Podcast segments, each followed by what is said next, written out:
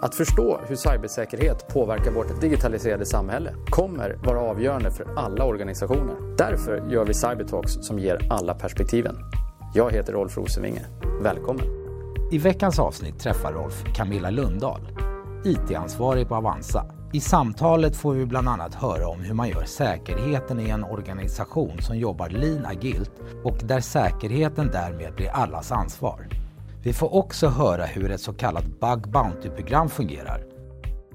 Hej och välkomna till ännu ett avsnitt av Cybertalks. Eh, den här veckan har vi med oss Camilla Lundahl från Avanza, IT-säkerhetschef där. Välkommen! Tack så mycket! Jätteroligt att ha dig här. Ehm, vi har inte träffats förut men av lite olika anledningar så korsades vägarna och i alla fall jag blev nyfiken eh, och tänkte att här finns det nog anledning att ha ett eh, samtal i poddform. Så att det ska bli jättekul. Men kanske börja med en kort introduktion till dig. Ja, jag heter Camilla Lundahl. Jag jobbar som IT-säkerhetschef på Avanza.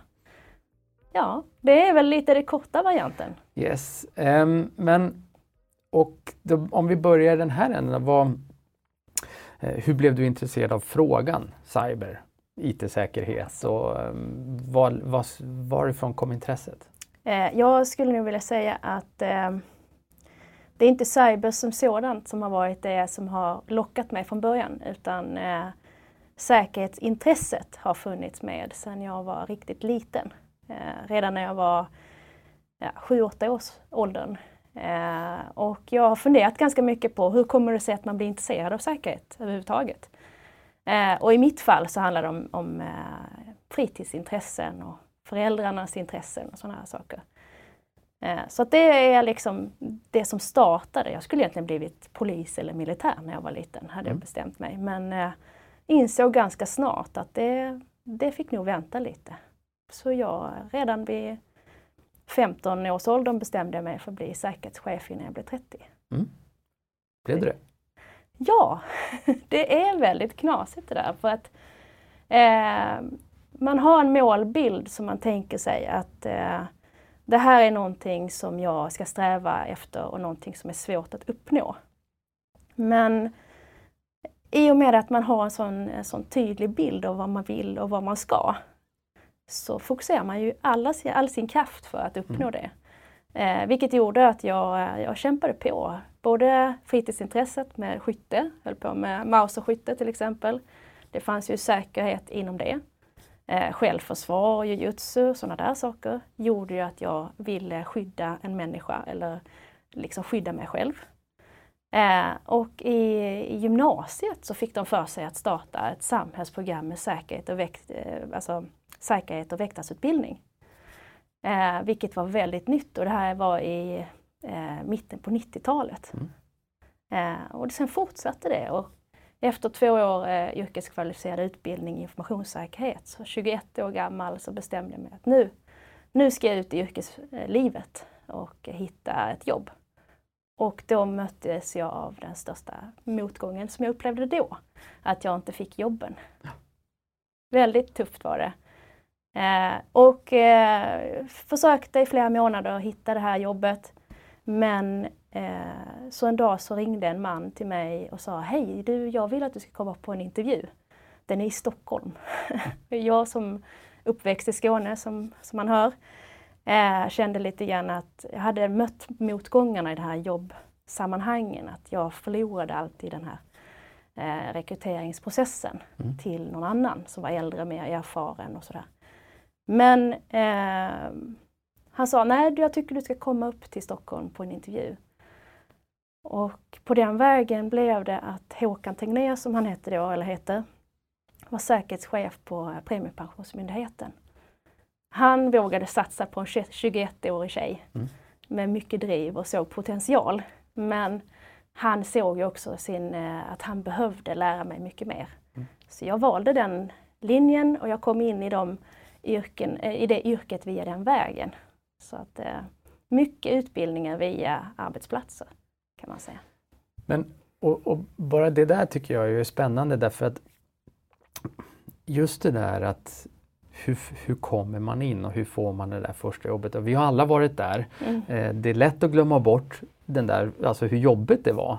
Eh, och, de flesta stöter på ett antal motgångar på vägen eh, Mm. innan man får det där. Och, ehm, de som har lyssnat på den här podden tidigare har säkert hört mig göra referenser till, till eh, både USA och England eh, eftersom jag hämtar mycket inspiration därifrån. Men de, och jag gillar jag gillar faktiskt språket därför att det, med engelskan så finns det så många ord som vi inte har och det finns en ma- massa bra Mm. uttryck tycker jag. Pay it forward är en sån eh, som, som jag eh, gillar. Eh, och egentligen är det kanske lite det som hände. Absolut. Jag tror att han... Eh, det fanns många som kunde tänkas ha det här jobbet. Jag fick ju ta ett halvt steg tillbaka. Jag fick hoppa in på fysisk säkerhet upplevde jag var ett halvt steg tillbaka eftersom jag hade studerat informationssäkerhet och tänkte mig att jag skulle bli någon form av specialist inom det här. Eh, men eh, att han satte mig på de här eh, dyra utbildningarna, det är helt... Jag, jag har inte sett det, de exemplen själv på, hos andra. Han lät mig gå Säpos säkerhetsskyddschefsutbildning. Jag blev diplomerad säkerhetschef. Jag var alltid där innan jag var 25. Eh, Och när det var semester och så, så fick jag hoppa in som tillförordnad säkerhetschef. Och just då insåg jag att jag har ju uppnått mitt mål. Jag gjorde det innan jag var 30. eh, och det kände jag lite grann, men vad finns det nu inom det här yrket som jag skulle kunna göra? Och då tänkte jag, men då måste jag hitta något riktigt svårt mål. Och, och då kom jag på, jag ska bli den ultimata säkerhetschefen. Men vad är det då? Och det första jag gjorde var att försöka beta av område för område. Säkerhetsskydd, fysisk säkerhet, personskydd, informationssäkerhet, IT-säkerhet och bara försöka få en bredd. Men någonstans i det så upplevde jag att ja, men det är ju okej att man kan väldigt många olika områden. Men hur ska du få in det i verksamheten? Och då väcktes det här intresset kring beteendevetenskap, organisationskultur. Hur förändrar du eh, någonting i en organisation så att du möjliggör att säkerheten blir integrerad i verksamheten och att folk faktiskt känner att det har betydelse. Det, det, då väcktes de och det var verkligen det som jag fastnade för. Och du, du pekar ju också på någonting som jag tycker är fascinerande att oftast när man pratar med människor utanför säkerhetsfunktionen så uppfattar de kanske, till att börja med, många i alla fall, säkerhet som någonting ganska svårt, ganska nischat och ganska smalt. Men när man pratar med kollegor inne i branschen så, så liksom bara genom den uppräkningen som du gjorde, va, hur många delområden det faktiskt finns, om vi börjar liksom bort med fysisk säkerhet, personsäkerhet, riskhantering, informationssäkerhet, IT-säkerhet, säkerhetsskydd och så vidare så kan man, påstår jag, eh, tillbringa ett helt yrkesliv eh, inom den här eh, nischen, om vi väljer att kalla den det, säkerhet, och fortfarande lära sig nya saker eh, egentligen under hela yrkeslivet. Mm. Och det är ju ganska häftigt egentligen. Ja, men det finns fortfarande områden man inte hoppat på, men det, det är det som är så kul. Vad är du mest nyfiken på då? Vad är det, vad, så att säga, vilket om, finns det något område eller något eh, delområde som du är extra nyfiken på? Ja, just nu så blickar jag mer åt eh, framtidens teknik. Det, jag ser att vi har länge har jobbat inom, framförallt eftersom jag jobbar inom IT-säkerhetsområdet och cyberområdet så känner jag att det är, det är mycket vi tittat tillbaka och, och tittat på hur vi bygger en traditionell infrastruktur och nätverk och sånt där. Nu känner jag att innovation, den typen av utmaningar det blir med att bygga eh, säkerhet ute i molnet, det är jättespännande. Mm. Det, det finns inte riktigt en ett till ett förhållande att jämföra med utan man måste ändra sina tankar lite kring säkerhet. Och hur, vad är det för kontroller du ska ha på plats och sånt där. Jag håller med. Och det är just det där att vad är säkerhet imorgon? Mm. Vi måste också som bransch och som practitioners vara innovativa. Om vi går med samma templat och samma handböcker och samma standard och försöker applicera det på en värld som utvecklas ganska fort så kommer vi, tror jag, mitt påstående, bli akterseglade. Mm. Och då kommer vi inte vara den där businesspartnern som man ändå önskar. Um, men du började i offentlig sektor och hade en del olika roller där. Um, vad förutom att du hade varit i alla fall låt som en oerhört bra chef som också aktivt utvecklade dig, vad, vad, vad, vad var mest spännande och vad var kanske minst spännande med att jobba i offentlig sektor? Ja, alltså mest spännande initialt med yrket var ju eh, jag hade nog en felaktig uppfattning om vad det var att jobba inom, inom säkerhet. Jag trodde jag skulle fånga bovar. Liksom. Men eh, det ändrade sig snabbt när man insåg att det var förändringsresa och allt det här. Eh, jag tror att det finns en, eh, anledning till att jag valde myndighet i första hand. Det är för att jag upplevde att det fanns en ökad trygghet i att jobba där. Eh, det, det är en uppfattning som som man gärna trycker på, att det är tryggt i staten och det mm. är, är liksom kompetensutveckling och allting sånt där. Eh, det passade också in i eh, mina värderingar om etik och moral och göra rätt för sig och sådana saker. Ehm, men ehm, jag upplevde ju precis som du säger att när du kommer med de här kontroll och checklistorna så når du inte hela vägen. Framförallt eh, när jag var säkerhetsinspektör på Skatteverket. Så hade jag två uppgifter. Det var att beskriva hur trygga är våra medarbetare och hur pass bra är skyddet? Det var ju rätt stora frågor som man behövde besvara. Och I det ingick ju allt. Liksom. Allt från informationssäkerhet, fysisk säkerhet och så. Men det var ju också att kontrollera leverantörer om de hade uppfyllt och var compliant och hade rätt skydd på plats. Eh, det som, som satte lite eh, spiket i kistan var en viss eh, rättegång som, eh, som var i, eh, eh, för några år sedan. Där det visade sig att en angripare hade använt andra medel för att ta sig in hos leverantören och komma åt information hos oss och andra och, och så. Eh, och där kände jag lite grann att nej, jag har inte, jag vet att checklistorna behövs. Men jag vill ändå bygga in säkerheten i den, det företag jag jobbar. Och där någonstans så, så bytte du inriktning kan man säga lite grann eh, och ja. du började jobba på Avanza?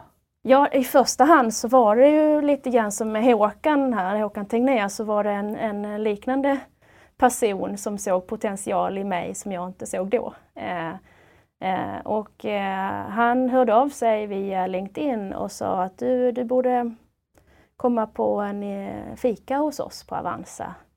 Eh, jag tänker att IT-säkerhetschef på vår eh, liksom, nästan 100% digitala bank kan vara någonting för dig. och han är ju IT, IT-chef eller CIO på Avanza idag. men jag själv kände så att jag hade en uppfattning om vad förväntades av en IT-säkerhetschef. Mm. Och det var, min uppfattning var mer traditionell. Jag tänkte mig att nu vill du ha en tekniker här. Det kommer inte jag tillföra i, utan jag har en bredd och jag har en eh, mer en långsiktigare inriktning. Var ska vi någonstans? Eh, och framförallt ett, ett gemensamt arbete som vi måste göra ihop. Eh, så, eh, men de gillade det. så jag var väldigt glad att jag tackade ja till slut. Och vad är de största skillnaderna? För jag inbillar mig ändå att det är ganska stora skillnader på att göra säkerhet i, på en digital bank versus en myndighet. Ja, jag skulle nog säga att det beror, eh, beror på där också att eh, eh jag kan inte jämföra myndigheterna som jag varit på med, eh, med Avanza. Eh, det, jag skulle nog säga att det, det är från fall till fall hur du analyserar företaget. Vad finns det för, för eh, förutsättningar? Vad är det för värdegrund? Vad, vad är det som driver det här företaget framåt? Som man måste analysera och kanske inte hoppa på en lösning i första hand utan att faktiskt låta det sjunka in. Eh, på myndigheterna så var jag ju i någon form av stabsfunktion eh, där jag hade längre ifrån Eh, liksom IT-verksamhet till exempel. Men ville ändå följa upp det arbetet. Så det skulle ju, man skulle kunna jämföra det med typ andra försvarslinjen. Den känslan av att jobba på det sättet tidigare, det hade jag mer erfarenhet av. Eh, men eh, på Avanza så var det ju skulle man säga, raka motsatsen av vad jag var van vid att jobba. Eh, det här med vattenfallsmodeller och processer och beslutspunkter och allt det här. Den, den typen av arbetssätt fanns ju oftast inom myndigheterna. Och det finns ju viss anledning till att de finns utifrån den storlek som man jobbar i och sådär. Men eh, på Avanza Eh, som det är idag så är vi 450 anställda. Eh, det är agil organisation. Eh, det är också bra att känna till att våra team är så självgående som det bara går. Det är, också, det, det är väldigt intressant för att ofta så tittar du på en inom säkerhetsområdet och ser på regulatoriska delen så är det oftast någon form av toppstyre som du kan läsa mellan raderna. Det är någon som bestämmer, någon ska äga processen, det ska vara på ett visst sätt. Men låt säga att det är enskilda team som äger de här ansvarsområdena. Hur ska du göra då? Mm. Vad blir din roll som säkerhetschef då? Blir det att peka med hela handen, som vissa kanske tycker om? Jag är raka motsatsen. Jag tror att det, det är, handlar om ett samarbete där vi har en, ett team som ska kunna göra sitt jobb på bästa sätt. Och då behöver de få stöttning och hjälp av en säkerhetsorganisation. Nej, men precis, och det, det, här var kanske också en av anledningarna till att jag var nyfiken och gärna ville ha med det här idag. Därför att jag tror att, eh, alltså så som jag uppfattar det i alla fall eh, utifrån, så är ju Avanza och jag har ju haft eh, kanske möjligheten att interagera lite grann med er genom åren. Eh, men ett ganska snabbrörligt bolag, hög grad av tech och, eh, och just det här ganska liksom, ganska core hos bolaget, den här liksom agila approachen. Eh, och det är därför det också är intressant tycker jag, därför att det är ju precis det som pågår i väldigt många mm. organisationer oavsett om det är eh, offentlig sektor eller privat sektor idag så är det en, en, en omställning mot en mycket mer liksom lean agil eh, sätt att jobba. Det mm. ställer eh, med mycket högre grad av autonomitet på teamen som ska mm. utveckla tjänster och, och så vidare. Och jag tänker mig att det också påverkar hur vi gör säkert, hur man levererar ett säkerhetsprogram. Eh, att det gör en ganska stor skillnad. Och då tänker jag att det är roligt och spännande att få prata med dig som kanske lever mitt uppe i det här som många andra organisationer är på väg in i.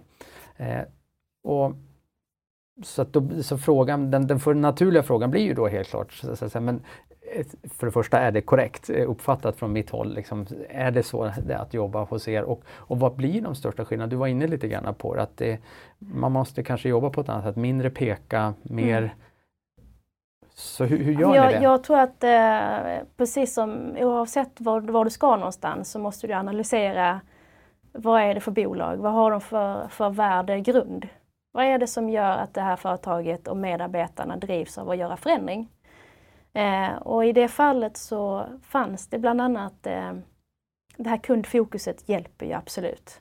Att du har liksom en känsla och en riktning av att du ska hjälpa eh, individen eller kunden i det här fallet.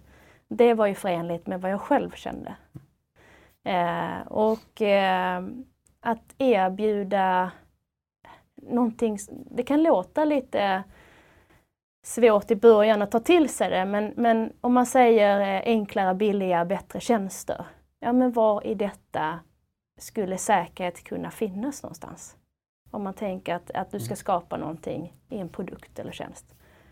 Och för mig så handlar det om att, äh, bättre för oss handlar ju om att vi skulle kunna skapa tryggare och säkrare tjänster.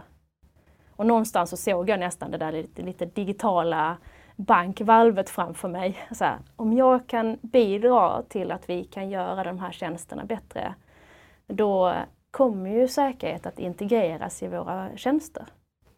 Eh, och det var nog första gången jag verkligen kände att jag jobbar ju faktiskt med produktutvecklingen. Mm. Eh, jag är inte så långt ifrån kunden som jag trodde att jag skulle vara. Och bara den, den eh värdegrunden där man säger att, eller mottot skulle man kunna säga, eh, hjälp en kollega, hjälp en kund. Det kan låta lite floskelaktigt i början, men när man eh, tänker på det utifrån sin egen roll inom säkerhet, ja men vad säger att det inte borde stå hjälp en säkerhetsperson, skydda en kund. Och då har du ju vänt på steken lite grann. Att det är inte bara du som tillhandahåller med massa, massa stöd och hjälp till andra, de hjälper ju dig också.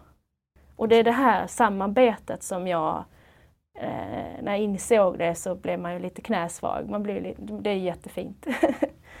och kan du, ge, kan du ge några exempel på hur ni har lyckats få in säkerhet som en mer naturlig del i ett lean-agilt arbetssätt med, med autonoma team? Mm. För som jag ju tänker så vi, vill ju, vi har ju alltid som säkerhetscommunity alltid pratat om att vi vill in tidigare i processen och man vill inte stå där och vara den som kommer med det sura pentestresultatet i slutet och säga att det här blev inte bra, nu måste mm. vi göra om innan vi kan produktionssätta och så vidare. För, eh, och så har vi ibland kanske, mitt påstående, famlat lite efter så hur ska vi göra det? Och jag ser någonstans att en, en del ser på kanske den linagila utvecklingen som ett hot. Men jag tänker att man kanske ska vända på det och säga att det är en möjlighet att mm. faktiskt göra det vi har pratat om, att komma in tidigare i produktutvecklingen till exempel. Alltså jag håller ju med om att det här med att känna att det var ett hot, det kände jag det första halvåret. Jag eh, var ju, liksom, hade mina åsikter om hur säkerhet skulle bedrivas. Eh, och att själv ändra sina åsikter och faktiskt utmana sig själv för att det skulle hjälpa kunden eller medarbetarna eller bolaget. Det för mig var en resa. Det, det är inte någonting som sker över en dag liksom, utan man, man måste någonstans utmana sig själv och, och gå in och fundera. Ja, men är det en risk att vi har releaser var femte dag? Eller är det en möjlighet? Mm. Och det, det insåg jag sen att det här är ju jättebra. Vi kommer ju vara mycket snabbare på att fixa de fel och brister som vi hittar. Så att eh, min organisation hittar ju saker och ting och visualiserar dem. Medan eh, vi skjuter ut informationen och får ut det till respektive team. Så att de tar ansvaret för sina sårbarheter och brister. Det är ju en delmängd i allt det de gör. Det är ju en information som de behöver för att fatta rätt beslut. Så för mig var det så här, men här, varför har vi inte gjort det här tidigare? Varför är vi så rädda för att göra fel? Mm. Vi borde göra fel ofta men lite åt gången. Liksom. Eh, och testa oss fram och våga, våga oss fram och inte sitta och analysera saker för länge utan göra små steg i taget. För då kommer vi att bli starkare över tiden. Men du var inne på någonting, om, och se om jag uppfattade det rätt också, för jag uppfattade att det du beskrev egentligen var kanske en förflyttning också av hur man ser på sig själv som organis säkerhetsorganisation. Mm. Att mindre av att vara den kontrollerande organisationen till att faktiskt mer vara uppfattade det mer av en servicefunktion eh, som levererar kunskaper och insikter till till exempel utvecklingsteamen. Absolut, det är jätteviktigt. Du, kontroll eh, aspekten har inte fungerat förut. Du kan det kan fungera till en viss del.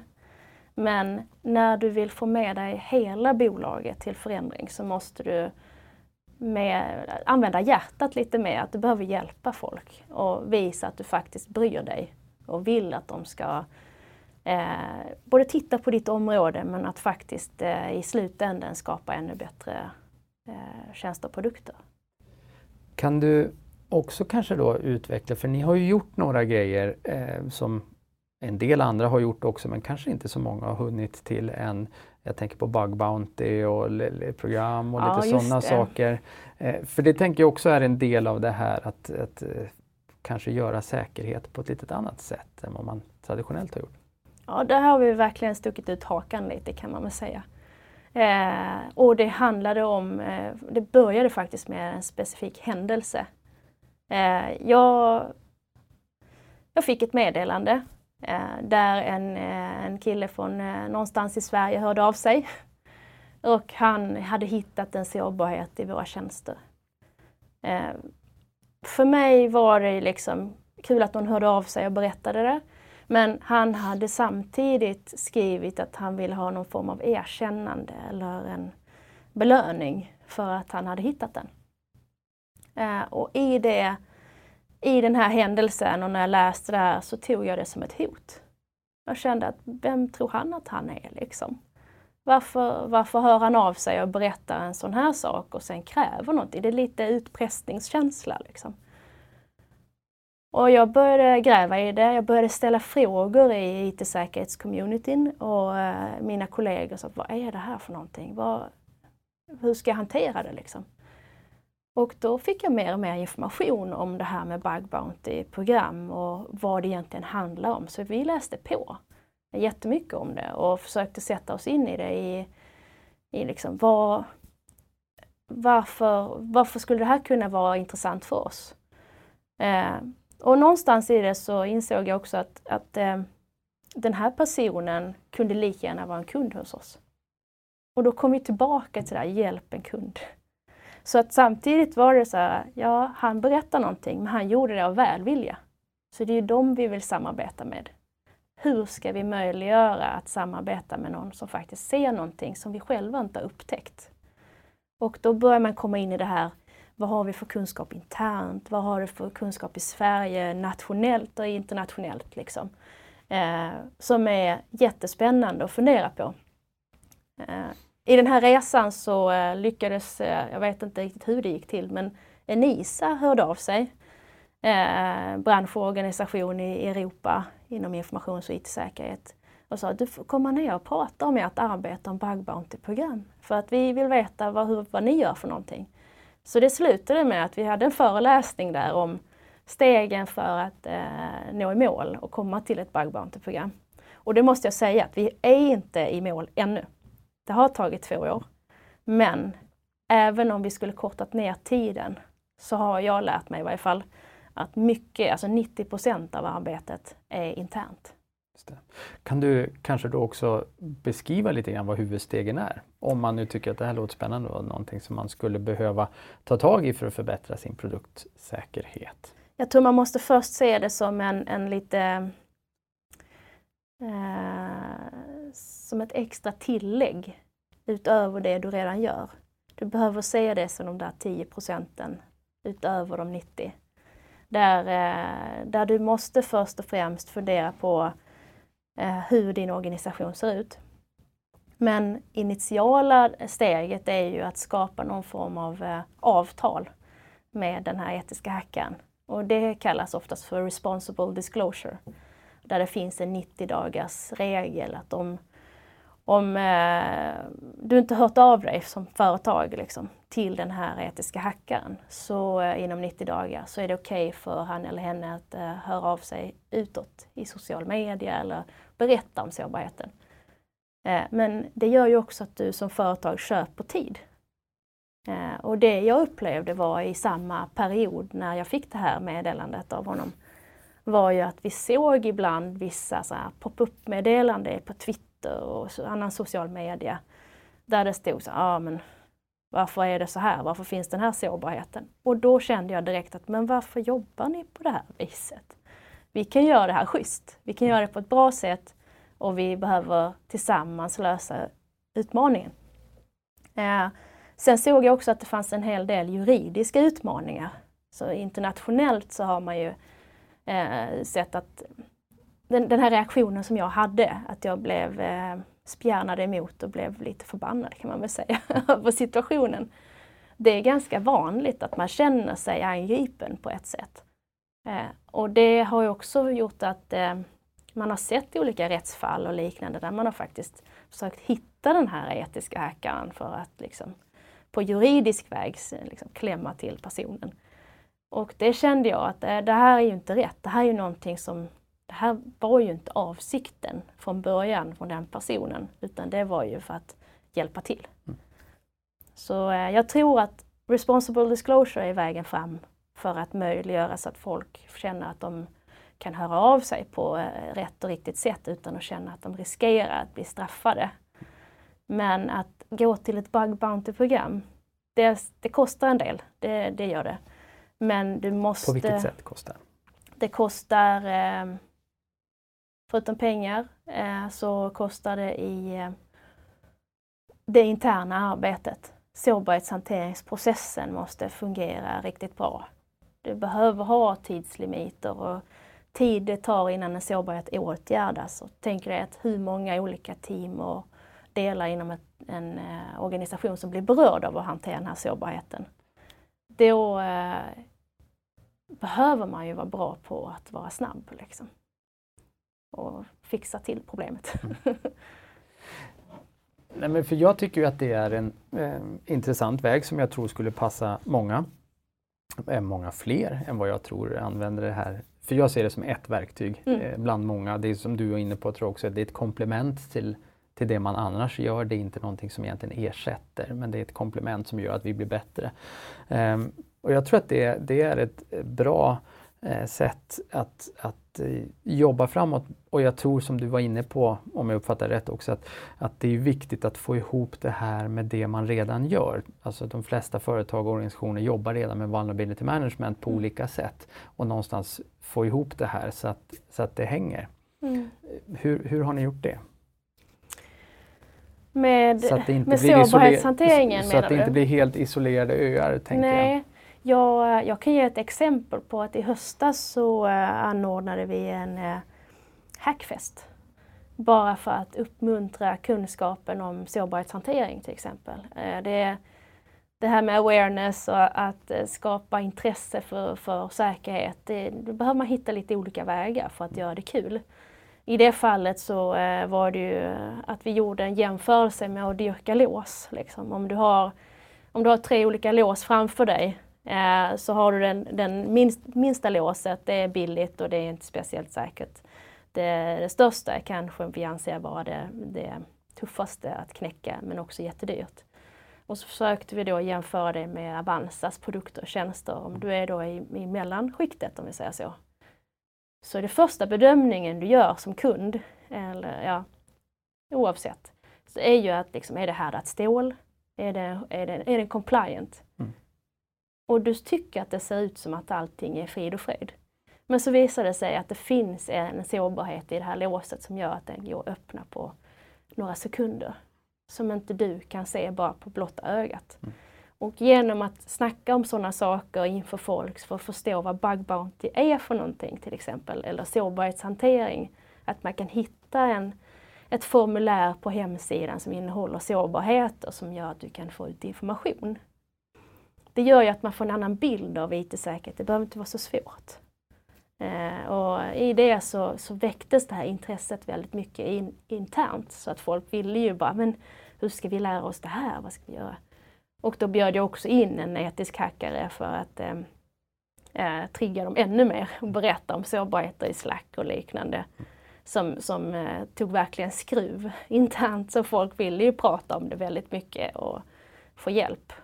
Eh, och den här känslan av att det kommer team till dig och vill ha hjälp, det är nog, då har man liksom lyckats någonstans. Det är den där, då, då har man, eh, det upplever jag är en av de finaste sakerna som händer i vardagen. Liksom. En annan fråga som jag har funderat mycket på det är ju lite grann hur förflyttar man, om man tänker att ens organisation, eh, oavsett om den är privat eller offentlig, har jobbat kanske traditionellt mycket med, med IT-säkerhet, den interna säkerheten, man har haft sina firewalls, sitt antivirus och så vidare. Eh, och sen håller ju affären på att digitaliseras och erbjuder nu digitala produkter. Det innebär ju, tänker jag, att man måste förflytta sig som säkerhetsorganisation också och jobba med produktsäkerhet. Och det kanske inte är helt intuitivt för alla eh, hur man gör det, för det första uppdraget försvinner ju inte. Eh, utan det blir ju två uppdrag som helst kanske ska smälta samman så att det känns fortfarande alltså så att det känns som ett. Men hur, hur, har ni, hur ser du på det? Har, är det så ni jobbar? Ni har både så att säga, den traditionella IT-säkerhetsrollen och produktsäkerhetsrollen. Och hur har ni gjort den alltså förflyttningen? Vår, vår IT-säkerhetsorganisation är ju väldigt ny. Det har funnits olika personer som har varit IT-säkerhetschefer tidigare men själva organisationen som sådan har varit mer ute i organisationen. Eh, och det, det som jag säger att analysera organisationen är ju att ja, men om du ser att det finns ett eh, nätverksteam, vad har de för uppgift? Och när jag började titta på det så ser man eh, också ganska snabbt att de här är ju security engineers. De här har ju säkerhet i blodet utifrån det arbetet de gör. Men även de möter försöker möta utvecklingsorganisationen mer. Så att drift och utveckling är väldigt nära. Liksom. Eh, vi har ju på utvecklingssidan så har vi ju dels det här som du säger med, med fokuset på affären och produkter och så. Så teamen har ju, för att vara självgående så måste de ha det här ansvaret hos sig. Men det finns ju vissa team som har ett, ett specifikt fokus för att bara stötta kunden i vägen genom webbsidan och allting sånt där. Medan det annars finns plattformsteam som byggs för att hjälpa och stötta och automatisera flera team. Och här har vi också jättemånga security engineers. Mm. Det är bara det att det finns inte en titel där på deras roller, liksom, utan de är det för de tittar på, även på säkerhet och eh, framtidssäkra våra tjänster och sånt där. Så att eh, för mig var det så här, vad är det vi inte har?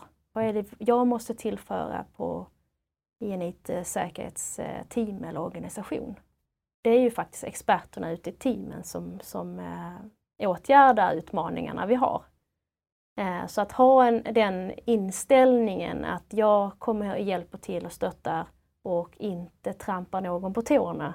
Det var väldigt viktigt. Samtidigt så såg jag att jag måste ju visualisera de saker som de inte tittar på.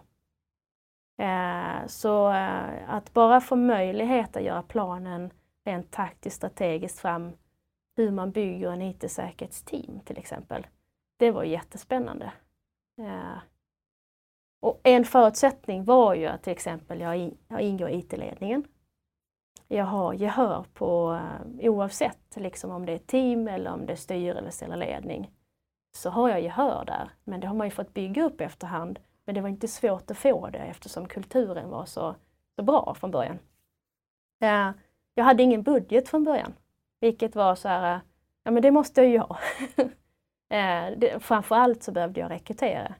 Så tidigt när man hade sett satt den här Eh, visionen om ett tryggare Avanza, vem måste jag ha som intressent och vem ska jag jobba mycket med? Så var det ju också att, att fundera på vad ska jag börja med först i ett IT-säkerhetsteam? Och för mig så var det mycket att gå tillbaka till de här eh, första hand reglerna. Att säga så här, men kontinuerlig monitorering, vad innebär det? Hur ska vi kunna upptäcka säkerhetshot i vårt nätverk? Eller anomalier i, i infrastrukturen? Och det blev ju begynnelsen till vår, eh, jag vill knappt kalla det för SOC, men det är ändå och anledningen till det är att det handlar ju om att mycket av logg och detektionstjänsten ska egentligen bedrivas i våra team. Så även här har vi ett nytänkande som vi vill, vill uppnå där vi inte skapar en jättestor sock eller blue team. Eh, utan vi vill försöka skapa det i våra team. För de är de som vet mest om sina loggar och där vi stöttar och hjälper. Så det var det första, det kallas för analysfunktionen. Eh, därefter så eh, blev det rekrytering av den offensiva funktionen Eh, och där är det sårbarhetshantering, skanning och, och liksom säkerhetsgranska våra tjänster och produkter. Eh, nästa steg var eh, uppföljningsverksamhet. Jag älskar de här CIS, eh, Critical Security Controls till exempel. Jag tycker att det är ett bra sätt att följa upp IT-säkerhetsområdet och cyber för den delen. Eh, för att det kopplar ihop med ISO 27000 och liknande men är på mer teknisk nivå. Eh, och att ha en person som samlar upp det, allt det som andra försvarslinjen säger, allt det som behöver göras, samtidigt att översätta det så att man kan jobba med det i verksamheten. Det är ju en, liksom en talang i sig att kunna göra de grejerna. Eh, den femte delen som vi har är ju eh, utbildning. Eh, och sen arkitektur, innovation, att kunna vara i framkant egentligen som det är nu så har vi en person i varje funktion i teamet. Så man har fått ett eget ansvar inom den funktionen. Men den skulle lika gärna kunna byggas ut och bli större, ha produktägare och liknande. Men jag upplevde att det inte är storleken som är liksom det som vi ska satsa på här nu.